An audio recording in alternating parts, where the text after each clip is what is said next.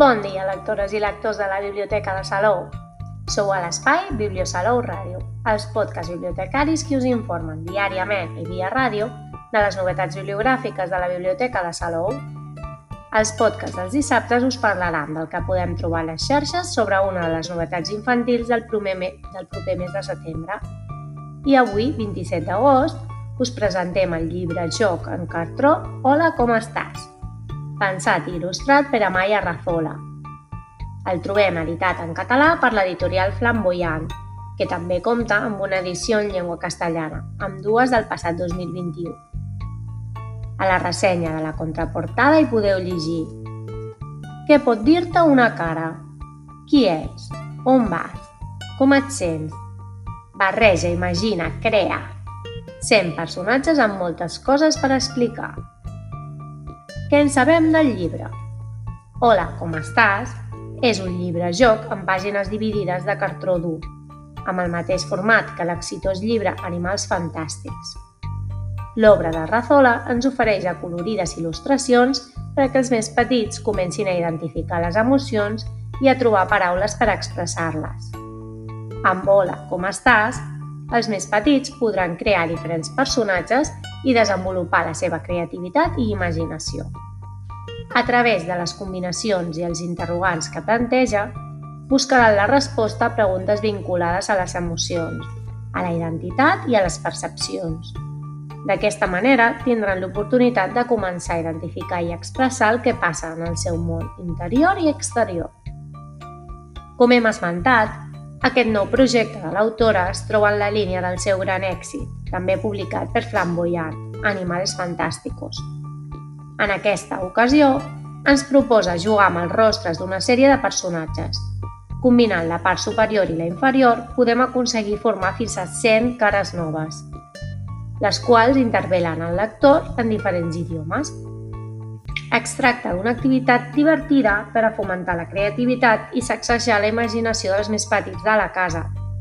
De fet, són ells els autèntics protagonistes en anar creant, amb el moviment de les solapes, les diferents personalitats dels homes, dones i fins i tot robots que s'amaguen dins les pàgines del llibre. Està recomanat tant per aprendre a identificar les emocions com per adquirir vocabulari que permeti als petits expressar els seus sentiments. És una manera, en definitiva, de treballar l'educació emocional de forma senzilla i accessible. També es tracta d'una bona eina per a familiaritzar-se amb els llibres i aprendre a manipular-los mitjançant el joc, per a fomentar la imaginació i desenvolupar la psicomotricitat fina.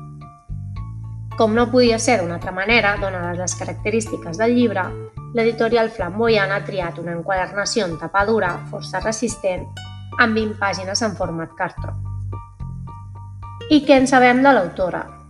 Amaya Razola va néixer a Vitoria l'any 1984 i va començar la seva carrera com a directora d'art i il·lustradora a una agència de publicitat de Madrid. Però uns anys després es va traslladar a Barcelona i des d'aleshores es dedica a la il·lustració com a freelance. A poc a poc va anar desenvolupant els seus projectes creatius, alternant la il·lustració publicitària, treballant amb companyies com ara Nike, Adidas, Movistar o Welling, amb el dibuix editorial i els treballs murals de gran format. Ha col·laborat amb nombroses marques i institucions i és autora de diversos llibres. També ha participat en festivals d'art urbà, ha pintat murals a indrets propers i llunyans i es dedica a donar xerrades i conferències. L'any 2017 va estar a Matsudo, Japó, gràcies a una beca artística de pare d'Aiser. D'aquella estada va néixer l'obra Wabi Sabi, en la qual narra les seves experiències personals al país nipó la maternitat també li va inspirar un llibre, El meteorit, publicat l'any 2020. Com sempre, no voldríem tancar aquest espai sense informar-vos de les obres de l'autora que avui ens ocupa que teniu a l'abast.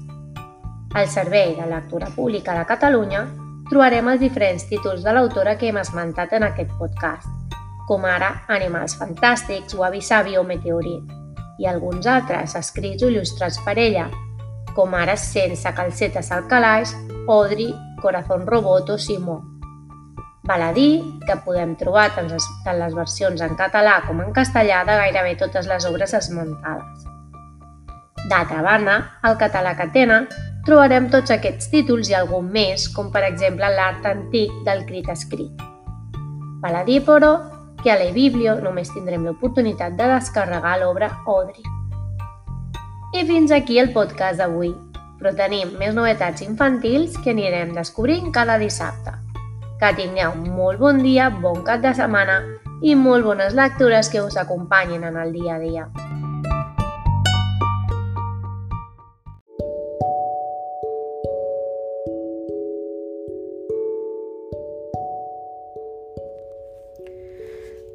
Buenos días, lectoras y lectores de la Biblioteca de Salou. Os encontráis en el espacio Bibliosalou Radio, los podcasts bibliotecarios que os informan diariamente y vía radio de las novedades bibliográficas de la Biblioteca de Salou. Los podcasts de los miércoles os hablarán de lo que podemos encontrar en las redes sobre una de las novedades de narrativa en castellano del próximo mes de septiembre.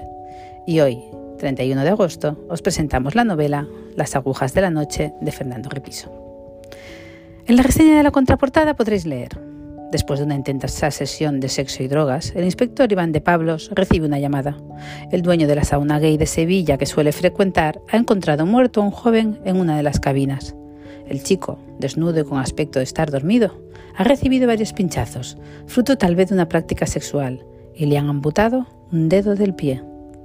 El forense, el doctor Carlos Sepúlveda, casualmente pareja de su exmujer, dictamina que ha sido un infarto. Iván confía en su palabra, pero su instinto no termina de ver claro el caso. Por ello, no cesará en investigar todos los hechos alrededor de esta muerte. El policía, en entredicho por sus adicciones y por cómo vive su homosexualidad, terminará descubriendo una trama oscura que llevará consigo más asesinatos vinculados al ambiente nocturno de la ciudad y un criminal inesperado. Helen Cazadora de Libros, en el blog Libros y Literatura, reseña la novela. Con el título de hoy, Las agujas de la noche, nos enfrentamos a un auténtico thriller con acento español, donde la crítica social y los misterios de la noche encuentran una excelente forma de salir a la luz. Esta intrigante novela, escrita por Fernando Repiso y editada por Planeta, hace gala de una originalidad pocas veces vista en el género, como presentar los capítulos en una cuenta atrás, del 35 al 0, lo que consigue que el lector vaya acercándose sin frenos a la explosión final a la que este tipo de conteo nos tiene acostumbrados. A mí personalmente me ha hecho sentir incluso más nerviosismo a medida que me iba llegando el momento. Las agujas de la noche es una novela negra con todos los ingredientes que en el género queremos y necesitamos encontrar, pero con leves cambios respecto a otras propuestas, lo que la convierte en algo fresco. Su protagonista, el inspector Iván de Pablos, no es el policía perfecto, y eso lo sabemos nada más conocerlo. Cuando aparece por primera vez, está despertando con resaca de alcohol, sexo y drogas y acudiendo a una llamada de emergencia. Entendemos su forma de vivir mientras va despertando su mente a base de rayas de coca en el recorrido a la escena del crimen. Acude, en Sevilla, a un local de saunas con servicio especial donde ha aparecido el cadáver de un joven. Iván conoce allí a casi todo el mundo por ser cliente habitual y conoce al marido del fallecido porque mantuvo con él una relación sentimental unos años antes. Esto puede resultar una ventaja al principio, aunque ya veremos cómo avanza la cosa. Este inspector de policía cumple los requisitos establecidos para ser el héroe de una novela negra, pero con leves diferencias. Es adicto a abusar de sustancias, pero no exclusivamente al alcohol, como suele pasar. Iván consume todo lo consumible y le vemos disfrutar igualmente de una botella de licor que de dos pastillas de diferentes sustancias. Además, es un hombre al que le gusta satisfacer sus necesidades sexuales, noche sí y noche también, pero sus gustos son muy diferentes a lo habitual en este tipo de novelas. Iván es homosexual y esto, junto a sus excesos, hace que no tenga muy buena fama en el cuerpo de policía. Fernando Repiso logra en una sola novela poner de manifiesto muchas de las desigualdades que aún existen en nuestra sociedad, por muy modernos que nos creamos. La homofobia en ciertos colectivos profesionales es el pan de cada día y el abuso que sufren en algunas comarcas ancladas en el pasado más rancio es una lacra que vemos reflejada con respeto y objetividad. Personajes secundarios igualmente magníficos acompañan a este inspector, como el médico forense Carlos Sepúlveda, con una perfección personal y profesional envidiable, o Julia, inspectora catalana recientemente afincada en Sevilla, que va a enseñar a Iván nuevas reglas del juego y nuevos métodos. Las agujas de la noche tienen un ritmo acompasado. Vamos descubriendo capítulo a capítulo todo lo que una ciudad puede esconder cuando parece que nadie mira. Si te gusta la novela criminal, aquí encontrarás todo lo que puedas esperar en una historia de calidad. La prosa de Fernando Repiso es fresca, es atrevida, es sexy, es manipuladora, es reivindicativa, es elegante y es misteriosa. Es una grata sorpresa que me hace orgullecer de las letras patrias. Que la editorial Planeta ofrezca su imagen corporativa con este título es ya una buena referencia. ¿Y qué sabemos del autor? Escritor español, nacido en Sevilla, Fernando Repiso ha dedicado gran parte de su carrera profesional a la comunicación política e institucional. Repiso se formó en empresariales, pero siempre tuvo claro que su verdadera pasión era la literatura, campo en el que finalmente lograría desempeñarse como autor. A lo largo de su trayectoria ha escrito artículos de opinión y relatos cortos. Sería, con Seis Mujeres Seis, una historia familiar con elevadas dosis de humor que finalmente debutaría en la narrativa. Más adelante vería la luz Las agujas de la noche, libro con el que se desbanca del tono de su debut y se adentra de lleno en el thriller. Y si lo queréis saber todo sobre él y su obra, lo podéis seguir en Facebook, Instagram y Twitter. Y hasta aquí el podcast de hoy, pero tenemos más novedades de narrativa en castellano que iremos descubriendo cada miércoles a las 11. Que tengáis muy buen día y muy buenas lecturas que os acompañen en el día a día.